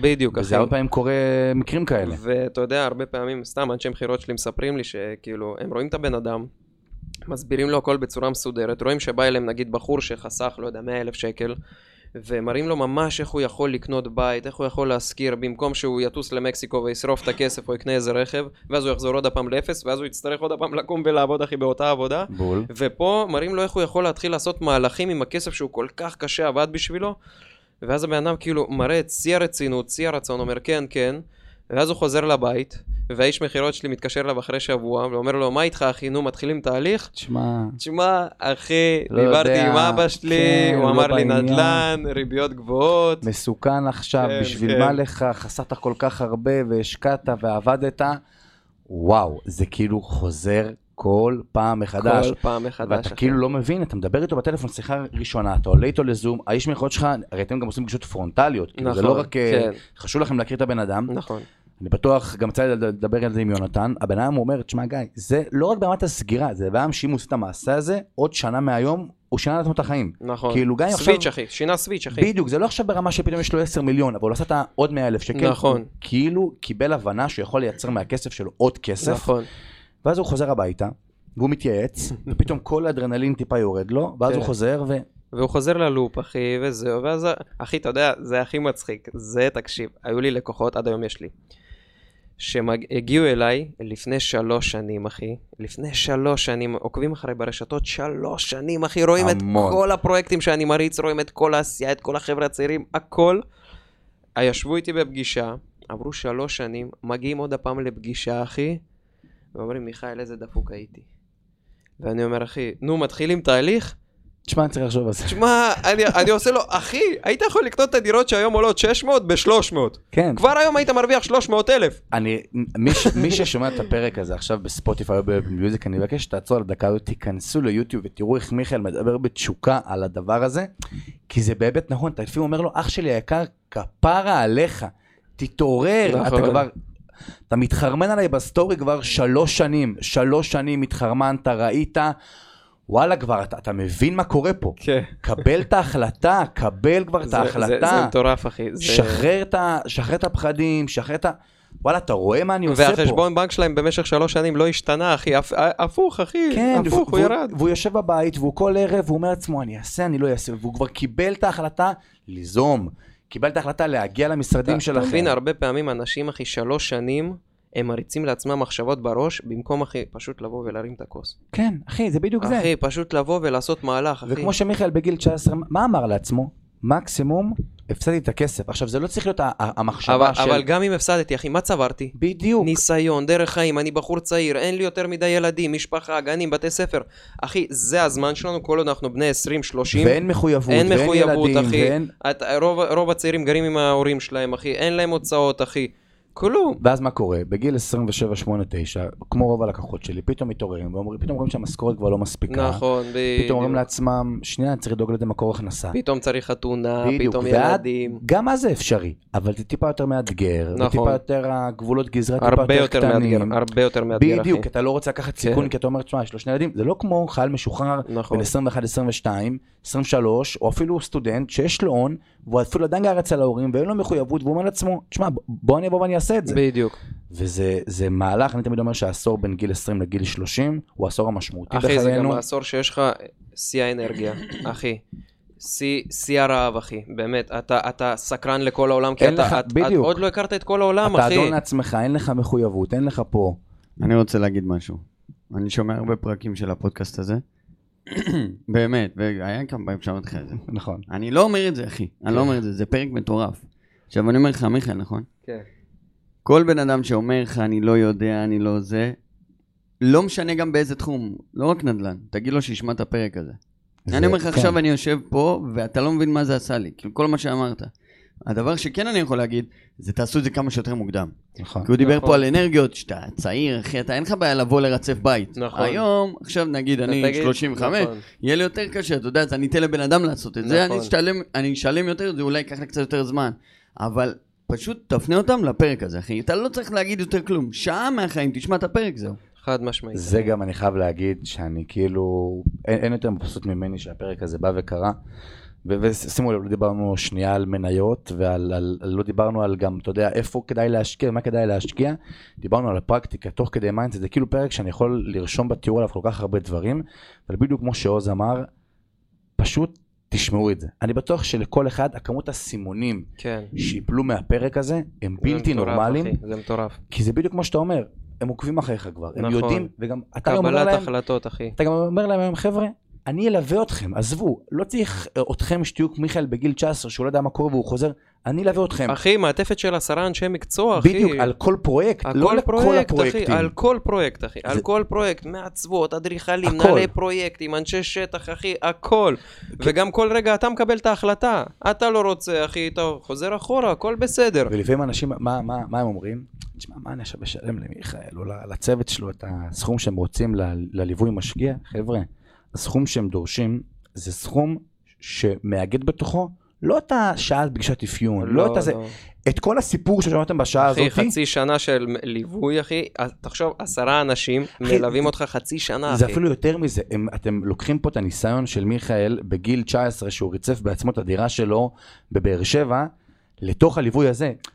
מעבר לפרקטיקה שמקבלים החצי שנה, עשרה אנשי צוות, אתה יודע כמה הם לומדים? אתה יודע כמה הם לומדים, אחי? זה, זה יותר מכל אחי, קורס אחר שהם לך, יקחו. אחי, אני אראה לך קל, אחי, מלא אנשים, מלא, אחי, ששולחים לי הודעות שהם סיימו איתי את התהליך הראשון כבר לפני שנה וחצי, אחי, מכרו כבר את הבית וכבר עושים השקעות לבד, אחי. כן, זה... מלא, הנה, עכשיו לפני שבוע, אחי, קיבלתי הודעה, אחי. קח, אחי, תקרא. כן, זה... זה מכרתי, מכרתי ב-500, ב-500, 545 אלף, רווח של 140 אלף שקלים בשנה וחצי, וקניתי בחיפה עם הרווח הזה נכס יותר יקר, ונתת שם לעוד אקזיט- עוד אקזיט נחמד. תקרא מה הוא כתב לי. מה זה זוכר כאילו היה אתמול, יותר מזה, אני זוכר שהתווכחתי איתך ואמרתי לך, מיכאל, אתה נורמלי, איזה קומה רביעית, יא משוגע, מי יקנה, מי ישכיר? אמרת לי, סמוך עליי. אתה וזה מבין, כאילו, אחי? ויש לי מלא לקוחות כאלה, אחי, ים. וזה זה מדהים. אתה יודע אה, יותר מזה, אני אגיד לך, 80 אחוז, 80 אחוז מהעובדים של אינדיגו זה לקוחות שלי. כן, זה... 80 אחוז מהעובדים של אינדיגו. אין יותר הוכחה חברתית מזה נראה לי, כאילו, בן אדם... וכל העובדים של אינדיגו, עד היום, הם עובדים באינדיגו. כן, אחי, ב- ב- ב- מכל האופרציה, אחי, של 43 עובדים, כמה עובדים עזבו אצלי? כמה? אחד. אשכרה. אחד, אחי. וזה זה לא... ואני אני אגיד לך יותר מזה. העובדים שבאו אליי, סתם דוגמה, שהיום הוא נגיד מאתר נכסים, הוא בא אליי בתור מוכר נעליים. אחי, הוא בא אליי נגיד בחור בן 21, היום הוא בן 24, עם שלוש נכסים, אשכרה. עם הכנסות יפות, עם רכב ב-200 אלף, אחי, עם mindset, אחי, של בן אדם בן 35, אבל אחי. תשימו לב איך מיכאל אומר, הוא לא אומר, חבר'ה, הם עובדים אצלי, הם עובדים איתי. אחי, כאילו, אין אצלי עובדים. אני אומר, רק, ה, רק ה, כן. הטרמינולוגיה של המילה, זה לא חבר'ה שהם עובדים אצלי, אה, יש לי עובדים, לא. חבר'ה שעובדים איתי. נכון, חד כי משמעית. הם המעטפת המלאה. נכון, הם מאמינים בחזון, אחי, הם מאמינים במקצועיות, אנחנו, אחי, עושים דברים ביחד, עסקים ביחד, כל אחי. פרויקט לא יכול להתקדם בלעדיהם. חד משמעית. הם חלק מאוד ואני אינטגרלי מעריך בפרויקט. אחד-אחד, אחי, תשאל את כל העובדים, אחי, שאנחנו באמת, אחי, הנה, הקשר ביני לבין מיכאל נוצר, מעובד שעובד עם מיכאל בחברה. והוא אמר לי לבוא לפה, אחי, כן, נכון? שזה כאילו הקשר הזה בא ונוצר, שמבחינתי הוא, הוא מדהים, ויש לי עוד המון המון דברים לבוא ולהגיד, אבל בוא נגיד ככה, כי אפשר לדבר בפודקאסט כן, הזה מלא, כן. נגיד והייתה לך אפשרות, ויש לך את האפשרות, אבל נגיד והיית רוצה, אני תמיד שואל את זה בסיום כל פודקאסט, ככה שליפה מהמותן, לשים שלט באלון או תשדיר פרסומת, שהוא לא מסר שיווקי, לא פרסומי לחברה שלך, אלא שהוא מסר שאתה רוצה לבוא ולהעביר לכל האוכלוסייה שיבואו וישמעו, זה יכול להיות קבלת החלטות, זה יכול להיות תאמינו בדרך, כל דבר כזה או אחר. מה המסר שהיית בא והיית אומר, כדי שאנשים יתחילו טיפה לזוז בכיסא, אני אומר את זה כל פודקאסט, אני אגיד את זה גם עכשיו, אני יש הייתי. רושם, אנשים עובדים 1920 שעות בשנה בשביל להרוויח כסף, הם אפילו לא מקדישים שעה אחת בשביל להבין איך הכסף יכול לעבוד בשבילם, ומבחינתי ביום שיקרא את זה, ואני עוד אעשה את זה באיילון, אה, יזוז בכיסא, מה המסר שלך? פה המצלמה, כן? כן. בגילי ה-20, תבנו את ה-30. כי אם לא תבנו ב-20, תצטרכו לבנות ב-30, ב-40, כשיש לכם משפחה, ילדים, אישה או בעל, ואתם תהיו בכל כך הרבה בעיות, כי הסיכונים השתנו, הקבלת החלטות השתנו, אתם כבר תכירו את העולם, אתם לא תהיו סקרנים. אז חבר'ה, פשוט משפט אחד, כל עוד אתם צעירים, בגילאי 20, תבנו את ה-30. תבנו את העתיד שלכם, כל עוד אתם פה, כאן ועכשיו, ואתם חבר'ה צעירים עם אנרגיות. בגילאי ה-30 יהיה לכם הרבה יותר קשה. ו... שזה מבחינתי מדהים. ש... וקבלת החלטות, אחי. קבלת החלטות. אני חושב שלא משנה אגב באיזה תחום, לא משנה, שוק ההון, נדל"ן, אה, אדריך, לא משנה מה, הקבלת החלטות היא הדבר שכל פרק בפודקאסט חוזר פה ואתם יכולים לראות פה את הכמות אנשים באמת מובחרים בתחומם שהתארחו פה בעבר והתארחו פה בעתיד, כולם בסוף זה מסתכל למסקנה אחת. חבר'ה, תקבלו את ההחלטה. אני אגיד לך יותר מזה, אחי. אנשים תמיד רואים את התוצאה. זאת אומרת, הנה רואים את מיכאל שהוא פה בפודקאסט, אחי. הם לא רואים את החמש רואים שנים את של קצה העשייה. הקרחון. הם לא רואים את החמש שנים של העשייה הקשה. בגלל זה אני אומר, כל פעולה קטנה, כל, כל צעד קטן קטן, מייצר, אחי, עוד מדרגה. עוד מדרגה. כן, ואחי, וכשאתה תעשה 500 מדרגות, אז שם כן יראו את התוצאה. נכון. אבל אל תחשוב שאתה עושה צעד שתיים, אחי, ואתה כבר מצפה לתוצאות. זה. זה נגיד הבעיה, סליחה, אבל זה הבעיה של הרשתות החברתיות, אחי, שכולם, אחי, מוכרים בולשיט, ו- ופתאום בן אדם נכנס, אחי, והוא עובד, אחי, לא יודע, עם משכורת של איזה 18 אלף, אחי, והוא נכנס והוא רואה, ההוא טס לדובאי, ההוא רכבי יוקרה, ההוא בדיוק, זה. והוא כל השבור במשמרת, כן, רק רוצה לסיים. ו- והוא אומר, אחי, עכשיו פה זה שקר, אחי. כן, כולם משדרים רק תוצאות. אף אחד, אחי, לא מראה, אחי, איך הוא עובד קשה, איך אני ממלא חשבוניות, אני לא מראה, אחי, איך שאני משלם מיסים, אני לא מראה, אחי, איך אני רב, רב עם הרואה חשבון, אחי, על הדוחות. אני, אף אחד לא מראה את הדברים האלה. כולם מראים, אחי, הנה, הזכרתי למבורגיני, הנה, טסתי למלון חמש כוכבים, את זה מראים. נכון. ואז האנשים, הדור הצעיר, אחי, יש לו עיוות מציאות. בדיוק, ופתאום הוא נהיה גם דור מפונק, למה? הרווחתי כסף, ההוא מצטלם כל יום במסעדות, וואלה, אני גם רוצה להרשות לעצמי מסעדה. בדיוק. כמו שאותו יזם נדל"ן, אותו, אותו בן אדם בים המלח אמר לך, מיכאל, עשית עסקה טובה, יש לך 300 אלף שקל, מה עכשיו רכב? חכה כפרה עליך, בדיוק. לך תעשה עוד עסקה. אחי, ודרך אגב, רכב, אחי, החלפתי את האוטו לפני שנה, שתבין, אחי, והחלפתי, לא, לא, לא קניתי כי אני רציתי, קניתי כי הבת זוג אמרה לי לקנות, סתם שתבין, היה לי רכב אה, מיצובישי ספורטבק, 2013, קניתי אותה באיזה 70 אלף שקל, והייתי נוסע איתה, ויום אחד עשינו יום נדל"ן בדימונה, והגיעו איזה 60 משקיעים, והגיעו, אתה פתאום רואה איזה בן וחמודה, איזה משקיעים, אתה יודע, כן. כאילו גם אנשים מבוגרים הגיעו.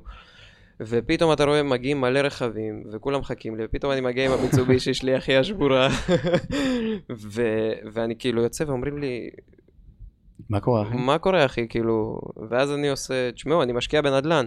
ואז אנשים כזה, משהו לא מסתדר להם, ופתאום כשהתחלנו להסתובב בכל הנכסים, ואני ממש כאילו פותח להם באמצע הנכס, אני אומר, הנה חבר'ה, אתם עכשיו נמצאים בדירה שלי, קחו תראו נסח טאבו, הכל.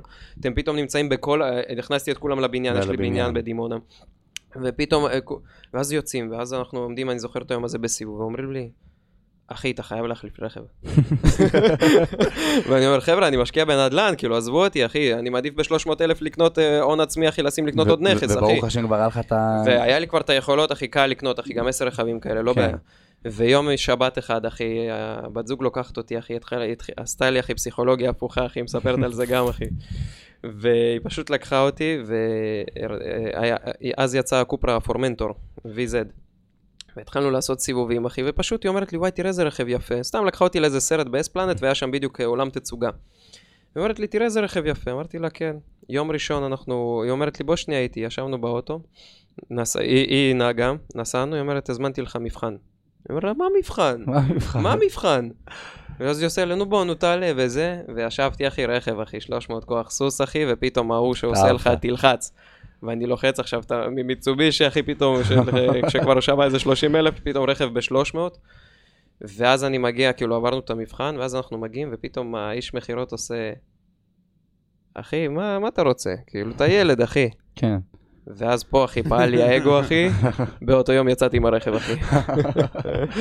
כן. אחי. זה... גדול המוכר. כן, גדול. וואלה, כן, טריק שיווקי, אחי, טריק שיווקי, אחי, עשה כן. חכם. חד גז- משמעית. גזר את העמלה שלו. גזר, אחי, ועוד איך. היום הוא עוקב אחריי, עושה לי לייקים, אחי. זה גדול. כן. ו... תשמעו, אני נראה לי אני יכול לש- לשבור, גם בפרק הקודם אמרתי את זה, אבל כל פרק מתעלם מחדש, אני מבסוט עליי ממש, אה, ועל מי שמגיע לכאן. אבל וואו, אני חושב, כמו שעוז פה אמר, ואין לי כאילו מילים לבוא ולהגיד על הכמות תובנות, מסקנות, פרקטיקה, שכל מי ששומע את הפרק הזה יכול לבוא ולקחת.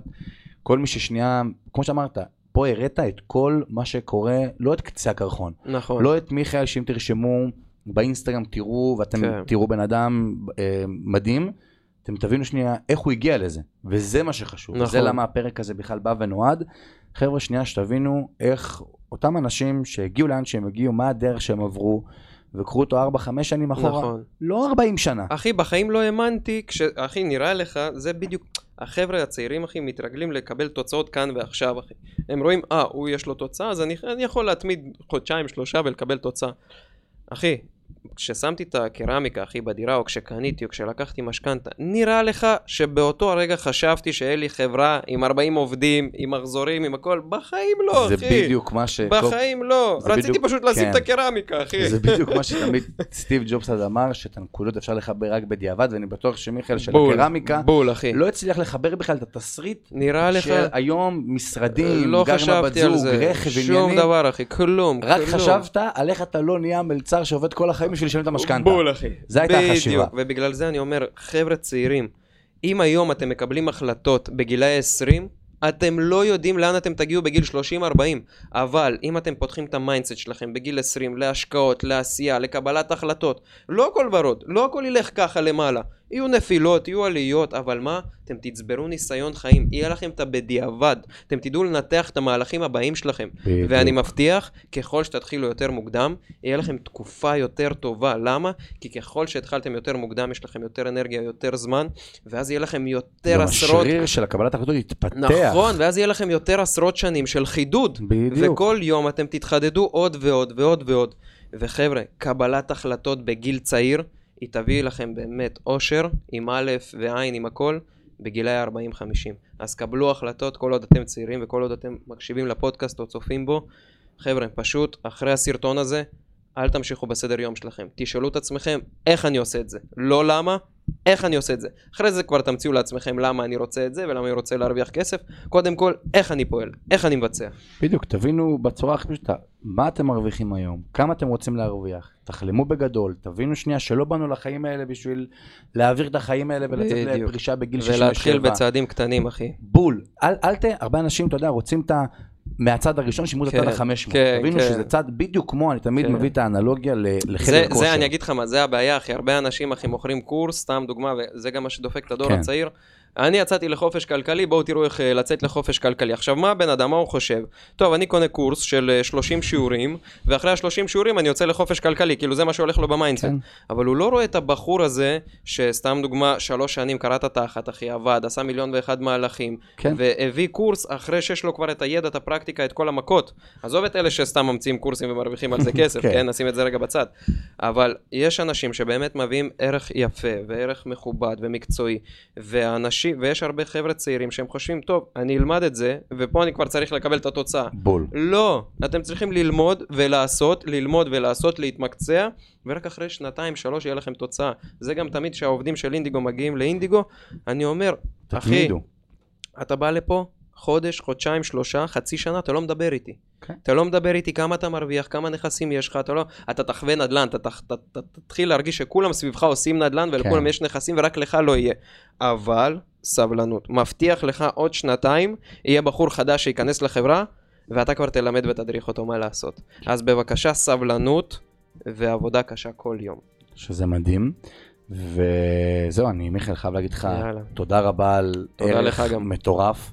אני מאוד מאוד נהניתי, אני בטוח שגם הפרק הזה הולך לשבור את שיא ההאזנות אה, כיף. להעביר תמיד את המסר. וזהו חבר'ה, תודה רבה לכם שצפיתם, האזנתם לעוד פרק בפודקאסט מפת החום, ניפגש שבוע הבא, אותו יום, אותה שעה, שיהיה לכם שבוע מקסים. צ'או.